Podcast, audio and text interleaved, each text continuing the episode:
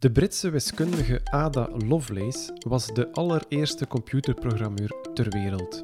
Al in de 19e eeuw plantte zij het eerste zaadje van zowat alle digitale toepassingen die we vandaag zo cool vinden. Geen wonder dus dat ze de wetenschapsheldin is van wiskundige Anne Dooms. In deze podcast praat ik met Anne over Ada, maar ook over haar eigen onderzoek en dat van andere vrouwelijke topwiskundigen zoals Patty Maas en Ingrid Dobechy.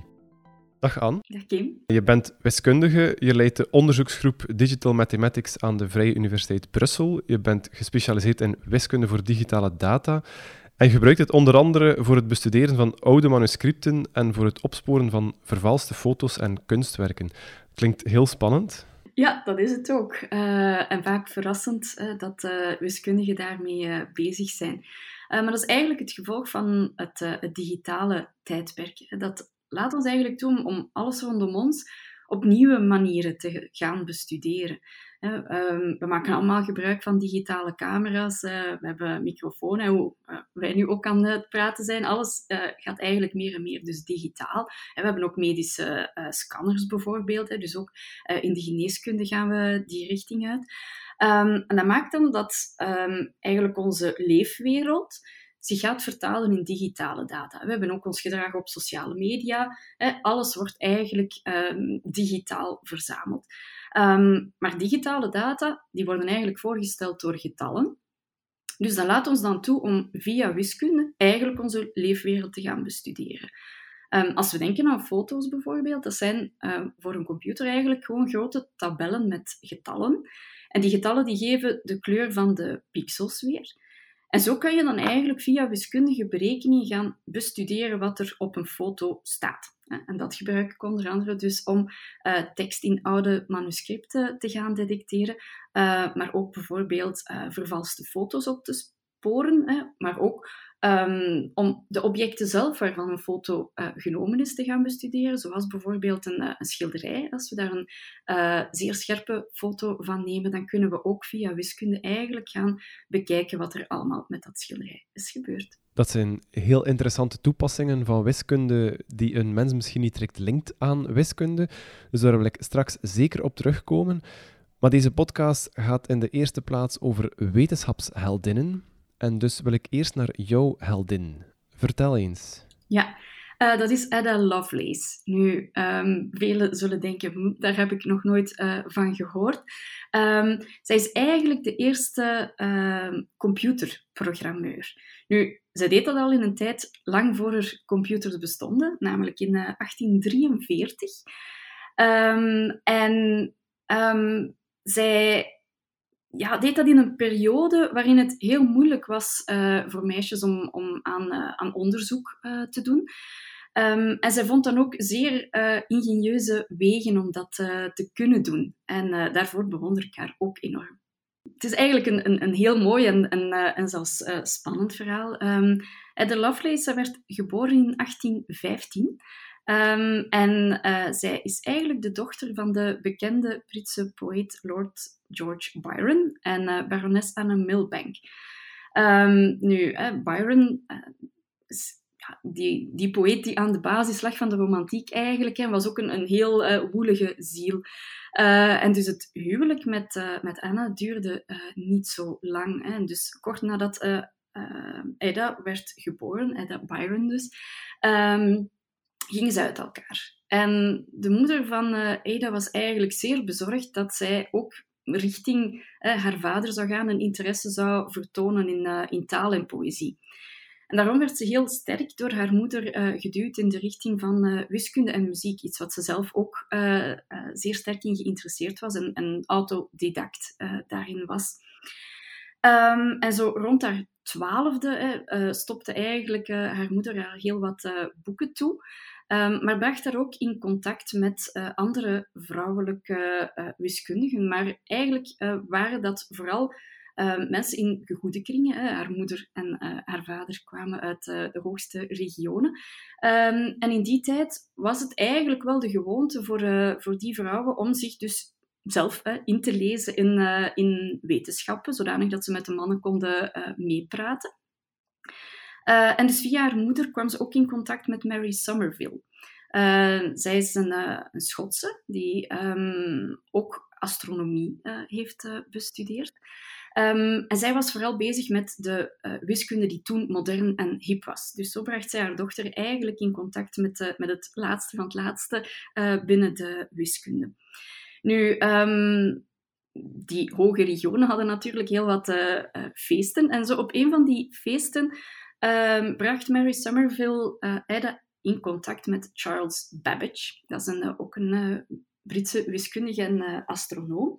En die had op dat moment een zeer ingenieuze machine gemaakt, de zogenaamde Difference Engine. En die stond daar eigenlijk tentoon. die werking werd gedemonstreerd. En uh, Ada Lovelace kwam daardoor, hij zag, zag die machine in werking.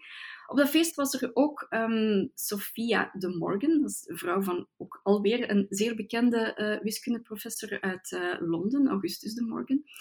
Uh, zij observeerde Edda. En later schreef zij ook van uh, hoe jong zij ook was toen. Hè, zij was toen uh, 17. Het was duidelijk dat zij begreep hoe die machine werkte en dat ze er ook de enorme schoonheid en mogelijkheden van inzag. Nu, wat deed die machine? Um, Babbage, als astronoom, die, als je ons heelal bestudeert, heb je heel wat driehoeksmeetkunde nodig. Hè? Dus um, um, cosinussen, sinussen, logaritmes. En in die tijd, ja, die, die cosinussen, sinussen, logaritmes, en nu nog altijd, je kunt die niet exact berekenen. Ze moeten die gaan benaderen. En dus werden er eigenlijk heel veel uh, tabellen opgesteld met die uh, getallen in, hè, zodanig dat men dan uh, sneller kon rekenen. Nu, die tabellen die werden toen opgesteld met de hand. Er waren wel al mechanische rekenmachines, Um, maar men deed dat door eigenlijk die formules te gaan benaderen. Dus dat zijn berekeningen die men moest doen en ook in verschillende stappen. Dus er was eigenlijk heel veel ruimte voor, voor fouten. Um, en Babbage ergerde zich daar enorm aan, dat er zoveel fouten in die tabellen zaten. Want natuurlijk, ja, als je dat in je berekeningen meeneemt, dan, uh, dan ben je onzin aan het verkopen. En dus hij bedacht een machine die uh, die benaderingen van die uh, getallen die hij nodig had, eigenlijk dus automatisch konden doen, zodanig dat er daar geen fouten konden insluipen. En hij deed dat, want waarom heet het difference engine? Door eigenlijk verschillen tussen getallen te nemen. Dus die machine kon mechanisch verschillen tussen getallen berekenen. Dus dat was heel ingenieus. Um, en hij zorgde er eigenlijk voor dat dat kon, dat er vermeden werd om ook vermenigvuldigingen en delingen te gaan maken. Want dat heb je eigenlijk wel nodig. Dus dat was echt een uh, enorme uitvinding. En Ada begreep dat dit zeer belangrijk was. Nu, um, door haar interesse, hè, en dan via Mary, uh, was ze dus uh, meer en meer in contact met Babbage. En die op dat moment eigenlijk um, werkte aan op papier een nieuwe machine. Want die difference engine, ja, die kon alleen maar verschillen nemen. En hij wou eigenlijk werken aan een machine die ook meer dan dat kon. En die difference engine die was stoomgedreven, dat is de technologie van, uh, van die tijd.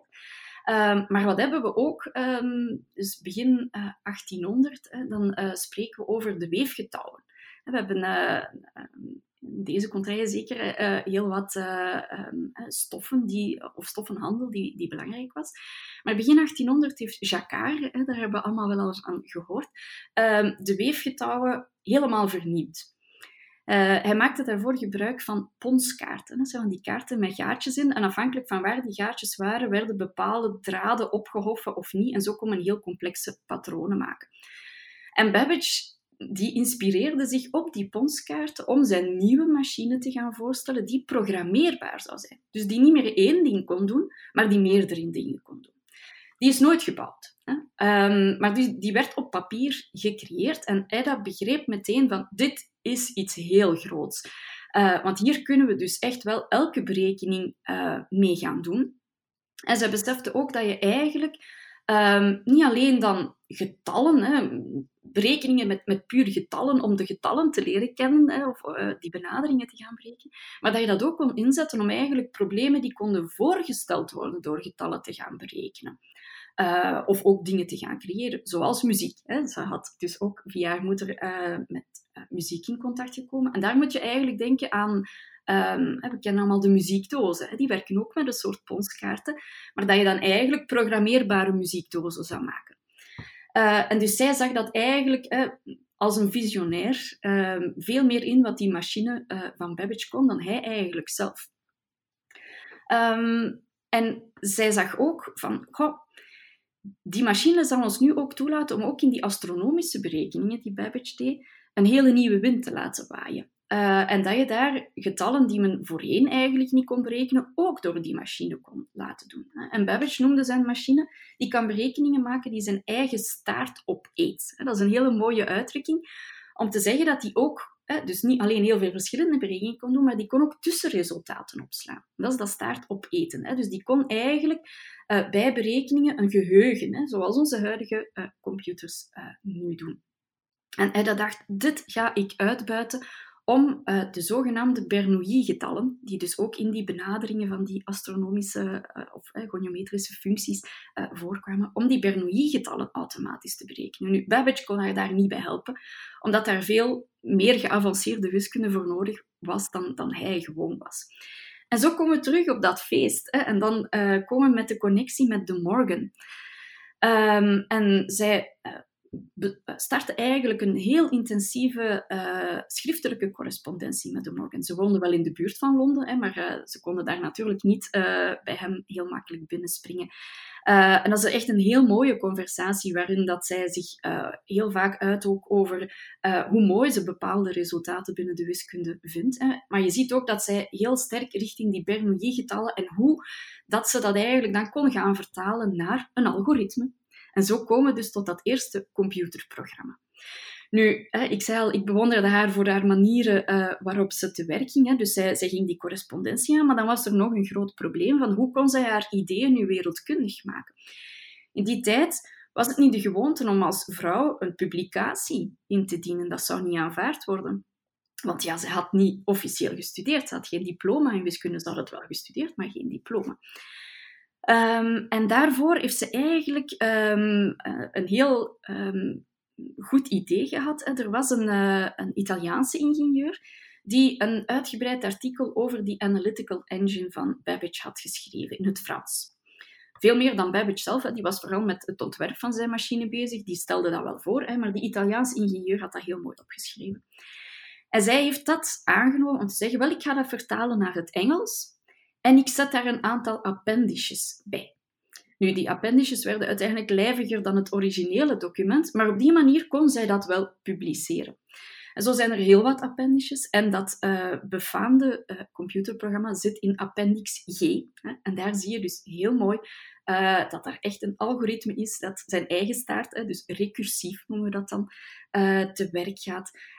en voilà, dat is toch echt wel een zeer prachtige prestatie. Je, sprak over een, een feest, over briefwisseling.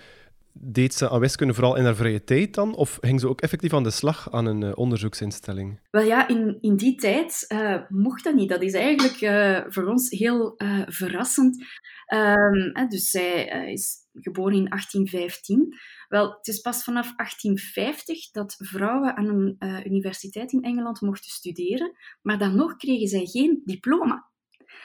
Dus zij werden wel toegelaten, maar kregen geen diploma. En het is um, Cambridge eigenlijk de crème de la crème van uh, uh, wiskunde-studies. In Cambridge mocht dat pas 100 jaar later. In 1945 kregen de eerste vrouwen pas een diploma. De Morgan had zelfs uh, ook in briefwisselingen aan uh, andere wiskundigen gezegd, als uh, Ada had mogen studeren, bijvoorbeeld aan Cambridge, had zij zeker tot de top van haar klas behoord. Dus dat is echt wel heel pijnlijk dat dat niet mocht. Ehm, nu, eigenlijk in België ging het ons niet zoveel beter. Het is ook pas in 1880 dat de eerste vrouwen zich in Brussel aan de Universiteit Libre de Brussel mochten inschrijven. Uh, maar de KU Leuven bijvoorbeeld, hè, die uh, zijn reeds opgericht in uh, eh, 1425. Maar die lieten pas vrouwen toe in 1920.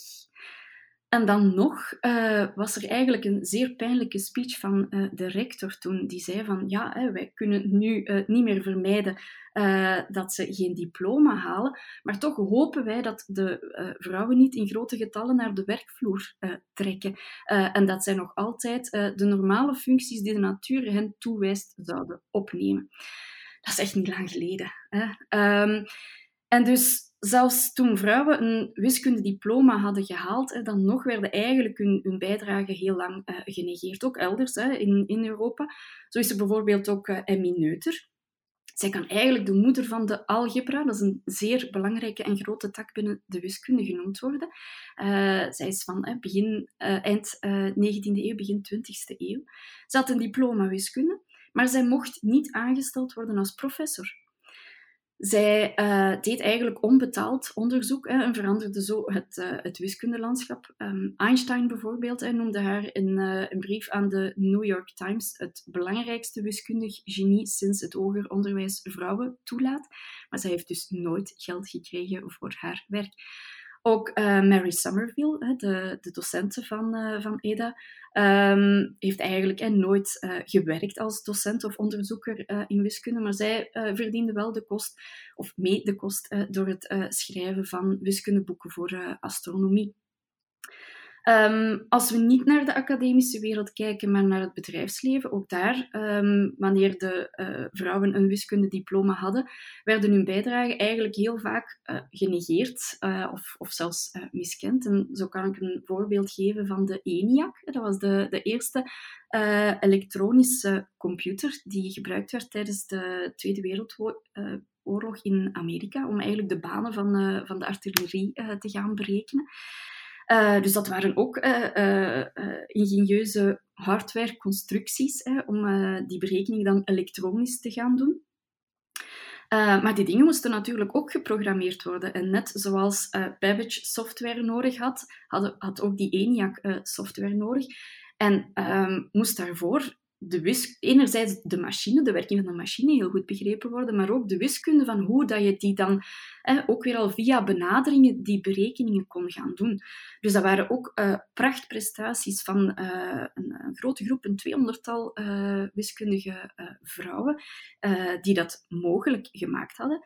Nu, um, daar was spijtig genoeg dan een heel duidelijk statusverschil tussen de mannen en de vrouwen die aan die ENIAC werkten. Uh, het werk van de mannen, de hardware, werd gezien als zeer moeilijk, terwijl het werk van de vrouwen dan werd gezien als assistentie, hè, want zij maakten dan ja, die programma's, maar uh, beide prestaties zijn uh, zijn evenwaardig en, en, en, even moeilijk, misschien zelfs meer, omdat de, de vrouwen uh, ook de machine natuurlijk, hè, dus de hardware moesten kennen om die uh, op ingenieuze wijze wiskundig correct te laten werken.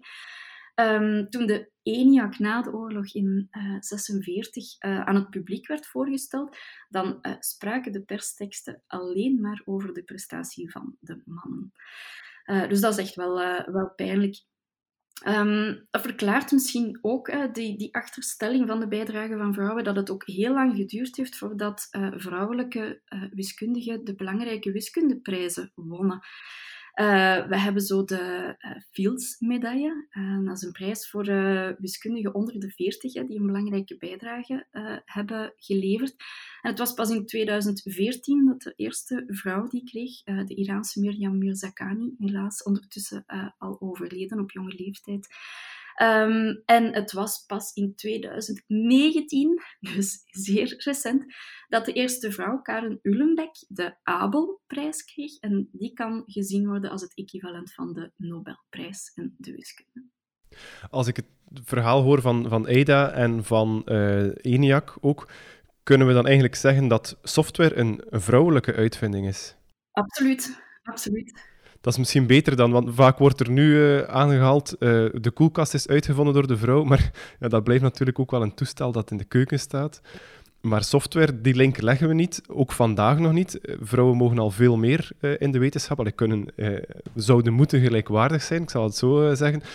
Maar in onze hoofden zijn ze dat eigenlijk nog niet, want als we aan een wiskundige, als we zouden moeten een wiskundige voorstellen, denk dat de meeste mensen aan een man denken, misschien aan een grijze, blanke man. Exact. Dat beeld klopt nogthans niet, dat weten we ook uit historische voorbeelden, maar ook vandaag uh, aan de VUB alleen al, aan uw universiteit, uh, passeerden Ingrid Tobechi en Patty Maas, uh, ook dat zijn topwiskundigen. Ja, absoluut. En, uh, en daar zijn we heel fier op. Hè.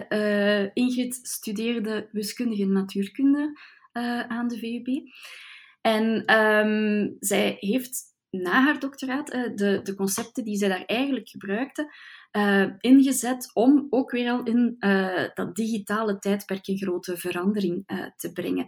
Um, zij merkte, we zitten dan bij de, de opkomst van het internet en, en de moeilijkheden om, om grote hoeveelheden data door te sturen. En onder andere foto's waren uh, een, een, probleem om die via modems te gaan uh, versturen. En ook zij deed daar eigenlijk aan, aan softwareontwikkeling. Hè. Zij bedacht een, een, wiskundige berekening die het mogelijk maakt om beelden zuinig op te slaan en dus ook zuinig te kunnen versturen.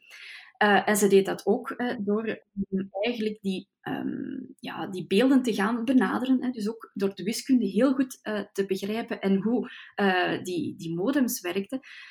door dus wiskundige transformaties te gaan ontwikkelen, de zogenaamde Debussy wavelets. die dat um, mogelijk maakten. Um, in de jaren 90 sprong de FBI daar meteen op. Zij gebruiken die technologie nog steeds om hun uh, databank van vingerafdrukken op te slaan. Uh, je weet als je in de States uh, binnenkomt dat je altijd je vingers moet laten scannen. maar ook telkens als we naar de cinema gaan, hè, naar de, de, bioscoop. Elke film die wij bekijken, die is eigenlijk opgeslaan in een formaat dat dus door die Debussy wavelets mogelijk is gemaakt. En dus door haar zeer belangrijke uh, uitvinding uh, werd zij ook, um, een, uh, vond zij een job aan een prestigieuze universiteit, de Princeton Universiteit in, in Amerika. en zij was daar dan ook de eerste vrouwelijke wiskundige. En dat was pas in 1994. Dus ook daar zitten we met een enorm laat um, ja, participeren van, van vrouwen. Hè. Um, Patty Maas dan, zij heeft uh, computerwetenschappen aan de VUB gestudeerd. Nu, in die tijd was ze nog heel nauw verbonden hè, met, uh, met de opleiding uh, wiskunde. Zij is professor geworden aan MIT, het, een belangrijke Amerikaanse onderzoeksinstelling. Ehm, zij heeft heel wat dingen binnen artificiële intelligentie gedaan. Uh, en ze staat het meeste bekend voor de zogenaamde collaborative filtering. Ja, wat is dat dan? Uh, dat is een uh, algoritme dat het eigenlijk mogelijk maakt om via um, likes, hè, bijvoorbeeld op sociale media, of via kijkgedrag, hè, zoals dat je op, op Netflix of luistergedrag op Spotify, dat je dan eigenlijk zonder te weten naar waar dat de mensen naar kijken of wat ze net liken, dat je groepen van mensen kan vinden met gelijkaardige interesses. En je kan dat, ze heeft dat dus gedaan via pure wiskunde ook. Hè. Men, kan, kan dat eigenlijk meetkundig aanpakken. Men kan alle mensen en interesses, uh, of, of, de objecten waarin ze geïnteresseerd zijn, hè, in, in, in een um, meetkundige context plaatsen. En dan kan je gaan zeggen, wel, hier vind ik echt een cluster van uh, mensen met gelijkaardige uh, interesses. En dat kan je dan gebruiken van, uh, dus via overeenkomst, dingen die ze samen hebben gezien. Maar natuurlijk zijn er dan die dingen al gezien hebben en de anderen nog niet. En zo kan je suggesties gaan doen. Hè. Zo komen tot de recommendation engines of de aanbevelings engines in sociale media en, en platformen. En dus ja, echt uh, twee vrouwen die uh, ook heel vaak in uh, de top tech-pionierslijsten komen, hè, waar zowel mannen als vrouwen staan. Um, maar eigenlijk bij ons vaak nog onbekend en onbemind. Um, nu, dat is niet alleen voor, voor uh, onze vrouwen hoor. We hebben ook heel wat uh, bekende mannelijke wiskundigen. Uh, we hebben ook Pierre de Ligne, die heeft zowel de Abel als de Fields medaille gewonnen. En we hebben ook Jean Bourguin, die ook de Fields medaille heeft gewonnen. Ook zij komen eigenlijk in ons onderwijs niet aan bod. Ik denk dat we wel wat vierder mogen zijn op ons, ons wetenschappelijk erfgoed. Ja, ja, dus het is niet enkel een kwestie van vrouwen die onderschat worden in de wiskunde. Het zijn wiskundigen op zich eigenlijk die bij ons misschien iets te weinig aandacht uh, krijgen dan. Ja. ja. absoluut. Ik denk dat we uh, zeker um, hier in Vlaanderen uh, iets meer mogen werken aan de perceptie van wiskunde. Ja. ja. Uh, hoe was dat met Ada Lovelace in haar tijd? Ze stierf heel jong, uh, ze was amper 36. Kreeg zij tijdens haar leven al de erkenning? Wist ze dat ze een topwiskundige was? Zij zelf was er schijnt wel van bewust, of zij, ze stelde zich wel zo voor. En daar zeiden ze dat was waarschijnlijk wel een karaktertrek van haar, uh, van haar vader. Ze was daar niet bescheiden in. En maar zoals ik al zei, de Morgan die liet ook wel weten dat, dat zij inderdaad een, een topwiskundige was. Maar ja, eigenlijk haar enige publicatie of enige uh, sporen van haar werk vinden we dan in die appendices van die vertaling. Ehm, maar uh, een eeuw later uh, werd haar onderzoek eigenlijk wel, wel opgepikt door alweer een andere bekende Britse wiskundige, of nu wel bekende, maar, maar voorheen niet, Alan Turing. die is bij ons bekend door de film The Imitation Game over zijn leven. Um, waar um, ook weer al, had ook een fascinatie over wiskunde en machines. Hij heeft in uh, de Tweede Wereldoorlog meegeholpen om de uh, code van de Duitsers, de Enigma, waarmee zij hun boodschappen geheim verstuurden, te helpen breken. Nu, voor die prestatie had Turing al bekendheid verworven met werken op een, een, een um, fundamenteel probleem in de wiskunde. We zitten eigenlijk begin 1900 met een kentering in de wiskunde een beetje. En dan komen we aan David Hilbert en, uh, en Gödel. Uh, die werkten rond de fundamenten van de wiskunde. En er waren een, eigenlijk een aantal, hè, dat we gingen kijken naar wat zijn eigenlijk, waar moeten we van vertrekken om alle wiskunde die we tot nu toe kennen te kunnen afleiden. En zo waren er een aantal dingen die nog, eigenlijk vragen die nog moesten beantwoord worden, zoals kan men eigenlijk alles wat waar is binnen de wiskunde. Hè. Binnen de wiskunde hebben we dingen die waar of onwaar zijn, uitspraken die waar of onwaar zijn. Kan men eigenlijk alles wat waar is bewijzen. En uh, Turing die smeet zich op die vraag uh, en kwam eigenlijk op een, een nabijgelegen vraag, het beslissingsprobleem.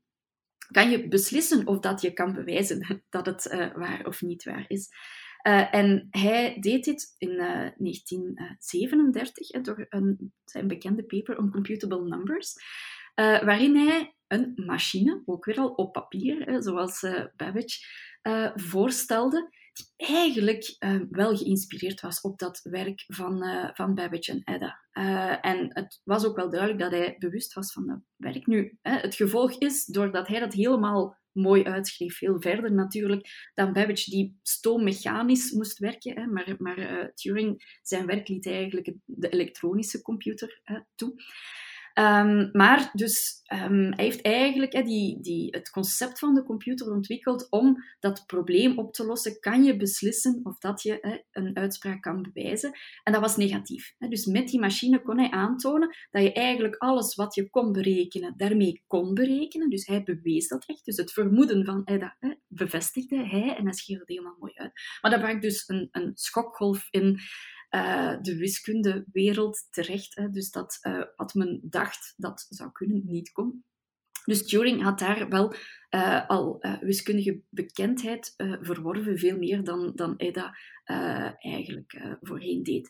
Nu, um, na de Tweede Wereldoorlog uh, kwam Turing dan met: oké, we hebben nu een machine die alles kan uh, berekenen. En had dan ook effectief een machine gemaakt die dan specifiek die Enigma-boodschappen kon uh, berekenen. Maar dan begon Turing te denken: van ja, kunnen we geen machines maken die zelf kunnen leren? Hè, die zelf met nieuwe dingen op de proppen konden komen. En zo komt hij dan in 1950 tot zijn Imitation Game Paper, waar de film naar vernoemd is. Hè.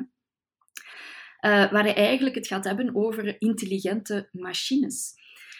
Um, en ja, ja hoe, beschrijf je dan intelligentie? Wel, wel hij bedacht een gedachte-experiment waarin dat je uh, een ondervrager hebt en een persoon en een computer in een andere kamer. En die communiceren via getypte vragen. En wanneer dat de computer erin slaagt om die ondervrager om de tuin te leiden, hè, dat die ondervrager niet doorheeft dat hij met een computer aan het praten is, uh, dan slaagt hij in wat we nu noemen de Turing-test. Dat was voor uh, Allen intelligentie, hè, als die uh, computer dat zou kunnen. En hij voorzag dat, dat die computer dat zou kunnen, doordat hij zou kunnen leren hè, uit zijn fouten en, en, en zo um, daarin slagen. Nu, um, in dat artikel, hè, of, of, in besprekingen daar rond, verwijst hij naar uh, Ada. Omdat zij dus ook in een van haar uh, appendices het had over dat uh, die uitvinding van Babbage, en dus eigenlijk ook dan die vervolg elektronische computer, um, dat um, die volgens haar in staat zou zijn om dus dingen te berekenen die voorgesteld konden worden door getallen. Maar zij zei wel eh, die computer gaat altijd alleen kunnen doen wat we hem zeggen dat hij zal doen, moet doen. Dus die zal niet origineel uit de hoek kunnen komen. En Turing refereerde daar naar Lady Lovelace's uh, objection. Um, en um, ja, voor, voor hem hè, zou die computer wel origineel uit de hoek kunnen komen en wel kunnen leren. Nu, als we kijken naar vandaag, uh, iedereen heeft al gehoord van machine learning. Dat zijn inderdaad computers die leren uit voorbeelden en uit fouten. Maar vooralsnog doen ze dat op een manier die wij hen vertellen hè, hoe ze dat moeten doen. Dus daar hebben ze eigenlijk beiden uh, gelijk. Ze kunnen leren, maar nog altijd op een manier dat wij vertellen hoe ze dat moeten doen. Ja, en die Turing-test uh, slagen moderne chatrobots daar bijvoorbeeld in? Als je een, een, vraag stelt aan een bedrijf via hun, hun website, krijg je vaak antwoorden. Dat is een chatrobot. Zijn er al zodanig ver gevorderd dat die Turing-test lukt? Wel, tot nu toe is er eigenlijk nog geen enkele uh, computer die daar echt is in geslaagd. Maar het hangt er natuurlijk vanaf hoe je je test gaat opzetten. Hè. Als we het hebben over chatbots, uh, die doen zeer goed werk hè, en, en uh, zorgen ook voor heel wat, ja, voor een, een, soort filter, hè, voordat het doorgaat naar de echte operatoren. Um, en ik denk dat heel wat mensen uh, tevreden zijn met die antwoorden die daaruit komen. Hè. Dat zijn uh, uh, ook waar dat men eigenlijk interpretatie van taal gaat gaan doen. Dus die machine learning en doet ook natural language processing. Um, maar als we aan een computer bijvoorbeeld um, beelden voorleggen, die digitale beelden, uh, dan kan je heel makkelijk eigenlijk uh, aantonen dat de uh, computer niet zal slagen in de Turing-test. Want daar wordt eigenlijk nu gebruik van gemaakt. je hebt zeker al wel, als je ergens een account maakt of een, of een formulier invult, dat men zegt van ah, toon aan dat je geen robot bent. En vroeger moest je dan zo uh, een vervormde tekst eigenlijk gaan intypen. Tegenwoordig wordt er bijvoorbeeld gevraagd uit alle verkeerslichten of, uh, of zebrapaden uh, aan. En dat komt omdat een computer eigenlijk daar nog altijd niet begrijpt wat hij ziet. En op die manier genereren we eigenlijk voorbeelden waaruit die computer dan wel weer kan gaan leren via machine learning en, en, zal gaan verbeteren. Um, maar dus nog altijd, wanneer wij foto's uh, aan een computer voorleggen, kunnen we die heel makkelijk tonen dat het een computer is. Ja. ja. Ada Lovelace was een inspiratiebron of een voorbeeld voor Alan Turing. Was ze dat ook voor jou toen je voor wiskunde koos? Wel, eigenlijk heel erg pijnlijk. Ik kende haar niet. Ik heb eigenlijk haar werk pas leren kennen via Turing, die wel ook niet heel expliciet, maar zo halvelings een, de opleiding aan, aan bod kwam. Um, en ik ben zeer gefascineerd door, door Turing's werk en, en, en interesses. En zo kwam ik op het werk van, van Ada terecht. Ja, en dan dacht ik van ja, maar zij moet wel die eer krijgen voor het eerste computerprogramma. Ja, ja, ja. Hoe kwam je dan wel bij wiskunde uit? Had je voorbeelden of was er een andere motivatie om, om wiskunde te gaan studeren? Ja, wel, ik ben altijd heel sterk geïnteresseerd geweest in, in hoe dingen uh, werken. En daar kan je eigenlijk wel een, een lijn met, met Ada trekken. Zij, zij was ook bijvoorbeeld zeer geïnteresseerd in hoe vliegen werkt, uh, het principe van vliegen. Uh, en zij had ook schetsen gemaakt van um, mechanische stoomgedreven vliegmachines. Um, en ja, toen ik ging studeren, zaten we echt net, hè, begin, of jaren 90, in de volle opkomst van, van uh, uh, het internet um, en, en de computerwetenschappen. En ja, ik, ik had daar uh, eigenlijk hè, mooi gelijkaardig met, met Eda die interesse in, maar dan merkte ik dat je vooral wiskunde nodig had om daar nieuwe dingen te kunnen in doen. Dus ik heb lang getwijfeld van ja, waar, waar ga ik nu voor kiezen? Maar mij leek het um, ja, beter om echt die taal van de wiskunde te gaan kennen. Uh, om mij dan in de toekomst te kunnen uh, toespitsen op, op het, uh, het aanleveren van, van inderdaad ook nieuwe software, ehm, wiskundige software, om, om problemen binnen de computerwetenschappen aan te pakken. Um, een ander ding, hè, want dan kan je zeggen, ja, waarom ging je dan ook niet naar, naar ingenieur? Er zit ook natuurlijk heel veel wiskunde in, maar ging al verder naar het, het construeren. Um, ja, daar kwam natuurlijk bij ingenieur ook veel meer. En in, in die tijd was het ook vooral dat je echt dan al koos voor een beroep. Hè. Er waren verschillende afstudeerrichtingen. En dat vond ik al eigenlijk te, te definiërend. Ik wou het nog wat meer openlaten. Uh, en door dan in verschillende cursussen te duiken, dan merkte ik, en dat is iets wat in, in het middelbaar niet zo vaak aan, aan bod komt, hè, daar zie je wiskunde toch wel vaak als, als recepten. Uh, maar dan zag ik in die, in die cursussen ehm, ja, het, hoe, een hele wiskundige theorie wordt ontwikkeld, hè, waaruit dat je vertrekt vanuit een intuïtie, het formaliseren of het abstraheren en daar dan eh, bewijzen rond gaan formuleren. En dan krijg je dingen, en dan komen we weer bij Turing, hè, uh, dingen die waar of niet waar zijn. En ik ben wel iemand die echt niet om kan met, met perceptie of, of, of ondubbelzin, uh, dubbelzinnigheden. Hè. En, en wiskunde, dat is echt nou ja, objectief. Uh, waar, niet waar. Dus uh, past ook heel goed bij mijn uh, karakter. Dus zo ben ik bij de wiskunde terechtgekomen en ik heb me daar nog geen seconde beklaagd. Ja, oké. Okay. En welke projecten ben je nu betrokken of welke onderzoeken? Ja, um, wel, je had het in, in de inleiding al aangehaald. Hè. Ik gebruik onder andere um, wiskundige berekeningen om, om oude manuscripten te gaan bestuderen. Um, als we daar ook weer denken dan aan, aan die testen, die, die uh, lettertjes die je moest in, die, die captcha's, hè, waar, die, die Turing-test die ik uh, daar straks aanhaalde, um, die toonde, toont al aan dat dus computers niet om kunnen met tekst die vervormd is. We hebben wel al sinds de jaren 90 software die in staat is om uit scans van tekst letters te gaan herkennen. Dat bestaat al lang, maar dan moet eigenlijk die scan heel proper zijn, of je document heel, heel goed bewaard. Um, en wanneer we spreken over oude documenten, ja, die kunnen al eens nat geworden zijn, hè, die zijn al eens uh, verkreukeld, die hebben een scheur, uh, dan kan die herkenningssoftware daar niet mee om. Hè. Turing-test faalt. Uh, terwijl wij eigenlijk, hè, wanneer er gaten zijn, daar heel goed door kunnen lezen. Um, wel, um, een van mijn recentste onderzoeken was dus om uh, software te ontwikkelen die wel in staat is om die tekst in, in oude manuscripten te gaan terugvinden. En we doen dat dan via machine learning, hè, waar dat we eigenlijk uit de studie van de pagina zelf de computer leren kennen naar wat lijkt er op mij? Wat lijkt er in mijn omgeving op mij? Want als we denken aan tekst, wij herkennen tekst. Hè? Zelfs als we naar Arabisch of Chinese uh, teksten kijken, we begrijpen daar geen jota van, maar we weten wel dat het tekst is. En dat komt net door de manier waarop dat we dat schrijven, dat symbolen hebben, hè? een soortgelijke uh, structuur. En we leren eigenlijk hè, de computer op een pagina wat is die soortgelijke structuur. En van daaruit kunnen we dus op een heel nieuwe manier uh, tekst gaan vinden in oude documenten. Voorheen heb ik ook soortgelijke technieken gebruikt dan, hè, om uh, bij schilderijen, die bijvoorbeeld uh, doorheen de geschiedenis retouches hebben gekregen, en waar dat niet helemaal duidelijk is, waar is dat bijvoorbeeld gebeurd. En dan kan je aan de hand van hoe dat verf krakelures heeft gekregen, als die patronen andere krakelures hebben, dan ja, is dat vaak dan een teken dat dat een overschildering bijvoorbeeld is, of dat daar een uh, retouche is gebeurd.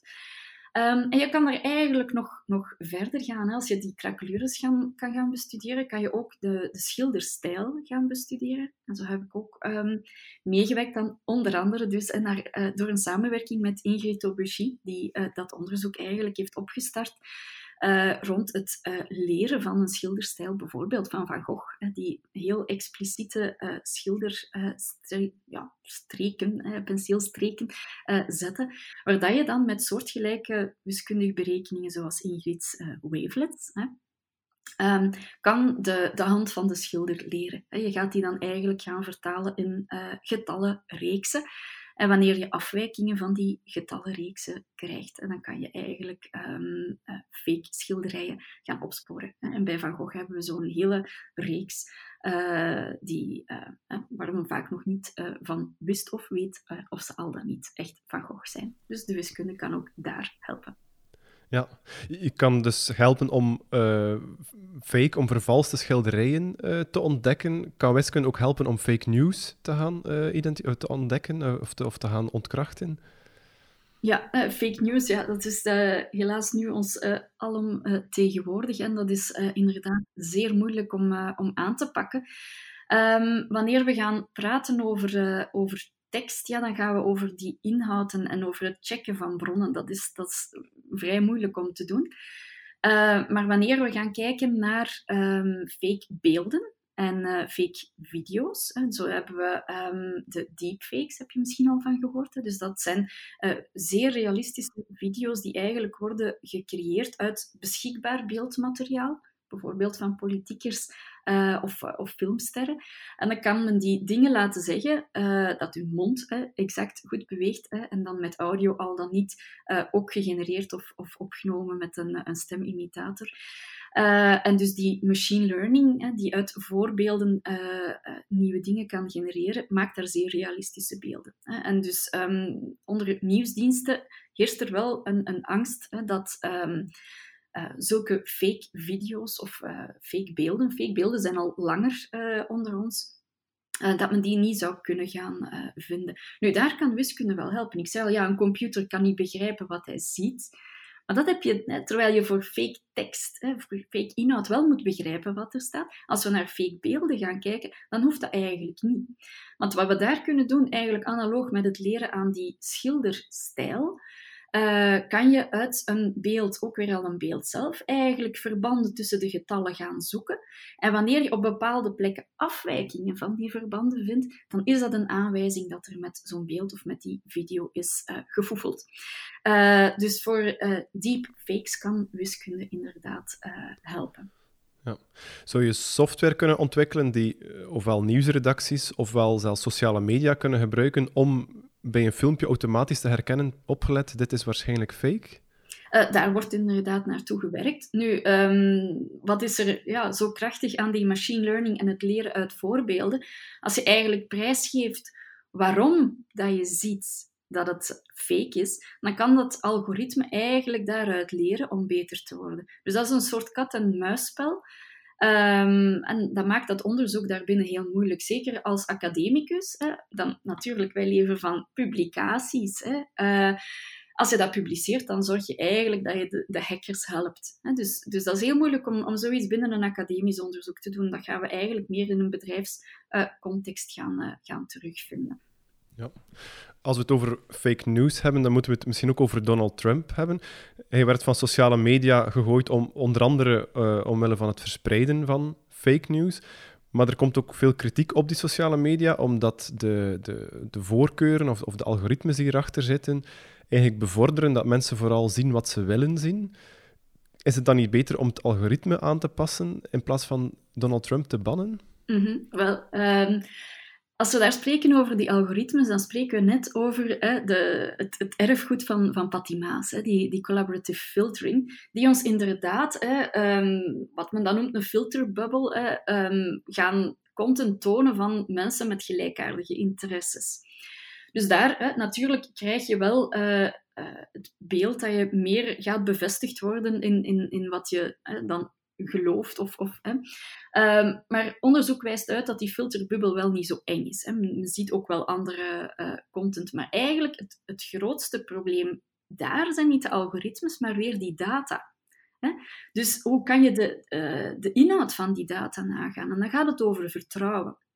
Dus ik denk eerder dan die algoritmes aan te passen, want die blijven natuurlijk het verdienmodel, zeker bij sociale media, rond advertenties dat een hoofdzaak is om mensen met eenzelfde interesse aankopen die zij dan doen, te gaan voorstellen aan anderen. Dus de incentive daar om die algoritmes te wijzigen is, is, is zeer moeilijk, maar misschien ook niet nodig. Dus we moeten daar gaan kijken naar hoe kunnen we vertrouwen aan die data uh, gaan geven. Um, en dat is eigenlijk... Reeds in de jaren 90 hebben we een soort gelijk probleem gehad met zoekmachines. Hè? Wanneer dus het internet kwam en je zocht naar data, ook daar hadden we een vertrouwenprobleem. Hè? Want dus... Um, men zocht ook keywords, maar dan werden er eigenlijk hè, ook weer al uh, uh, malafide productaanbieders die dan eigenlijk in hun webpagina veel gezochte keywords verstopten. En dan bijvoorbeeld zelfs in witte, witte letters, dat je het niet zag op een witte achtergrond. En zodanig werd dan hè, de nietsvermoedende zoeker geleid naar producten waar ze dan misschien toch wel in zouden geïnteresseerd zijn. Dus daar was ook dat probleem met vertrouwen in die data. Nu, dat hebben ook twee wiskundigen opgelost, uh, um, Brin en, Page. En dat zijn uiteindelijk de, de uh, opstarters van Google, hè, de, de meest gebruikte uh, zoekmachine geweest. En zij hebben kunnen vertrouwen aan pagina's linken of, of geven door te gaan kijken naar links naar die pagina. Als er heel veel links naar een pagina zijn, dan um, ja, vermoed je dat er meer vertrouwen is. Nu, ondertussen wordt dat natuurlijk ook weer al uitgebuit. Denk maar aan clickbait enzovoort. Hè. Dus uh, ook daar moeten altijd weer nieuwe oplossingen uh, voor gevonden worden. Maar dat was wel een eerste stap waar dat we via wiskunde, want zij maakten dan vanuit die links eigenlijk een, een abstracte voorstelling van alle pagina's op het internet en, en, en hoe dat een surfer daar, daartussen uh, dan te werk gaat, om dan in de zoekmachine een rangschikking te geven van de meest te vertrouwen pagina. Dus dat was een wiskundige oplossing. En ergens hoop ik natuurlijk dat de wiskunde ook hier voor de inhoud van, van data weer een, een oplossing kan gaan bieden. Zelf heb ik geen idee, maar die data is, is een, een probleem, of het vertrouwen in die data. Maar dat is uiteindelijk ook niet alleen een online probleem. Als we ook gaan kijken naar boeken bijvoorbeeld, er heerst nog altijd heel veel perceptie op, maar als het in een boek staat, dan zal het wel waar zijn. Maar ook daar, iedereen kan eigenlijk een boek schrijven. Hè. En uitgeverijen kijken misschien, hè, doen misschien geen factcheck of zijn ook niet altijd in staat. Je hebt ook niet altijd uh, experten ter, ter beschikking. Dus vertrouwen is, is eigenlijk het grootste probleem, zowel digitaal als, als, als uh, uh, non-digital. Um, um, en ja, dat is eigenlijk, hè, komen we dan weer terug bij, bij mijn keuze van, uh, van wiskunde, hè, waar alles waar en onwaar is. Dus daar blijf ik liever uh, uh, op die manier. En ik hoop dat de wiskunde wel kan bijdragen. En als dat zo is, dan wil ik daar zeker mijn steentje toe proberen bijdragen om meer vertrouwen in data te kunnen scheppen. Ja, ik kreeg stilaan spijt dat ik zelf niet voor wiskunde gekozen heb, want wiskunde zit echt achter, is eigenlijk de basis van alles wat we vandaag cool vinden. Het internet, computers, eh, sociale media, uh, eindeloos veel voorbeelden kan ik noemen. Anderzijds wordt wiskunde niet echt als cool beschouwd. Ik vermoed dat dat heel frustrerend is. Ja, dat klopt. Het doet me plezier dat ik uh, bij jou uh, de goesting al een beetje heb uh, doen aanwakkeren. en, en ik denk dat, dat daar vooral een, een, een probleem. Ik heb het al eens aangehaald, de perceptie rond wiskunde, waar we toch zouden moeten rondwerken. ik hou altijd mijn, mijn hart vast rond de tijden van examens. Uh, als je dan naar de radio luistert, uh, presentatoren gaan vaak als ze men, studenten aan de lijn hebben, als ze zeggen ik heb een examen wiskunde, dan wordt er oeh, ah en moeilijk en ik deed dat niet graag, waardoor dat beeld wordt, wordt bevestigd. Nu, um, ja, men kan daar eigenlijk wel kijken naar ja, hoe, hoe wordt wiskunde aangebracht. Hè? Als het als recepten zonder motivatie gaat, ja, dan, dan vervalt het al snel in een soort ja, schiftingsmiddel. Ik kan dat of ik kan dat niet. En, en, en oh ja, dat, daar mag het niet naartoe gaan. Hè. En ik denk dat we daar wel een, een kentering binnen ons onderwijs gaan, gaan zien komen.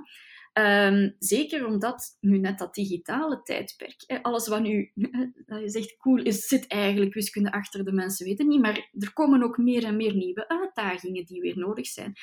En dus hebben we nieuwe wiskunde nodig. En dus er moet heel wat nieuwe wiskunde uitgevonden worden, dus hebben we nieuwe wiskundigen nodig.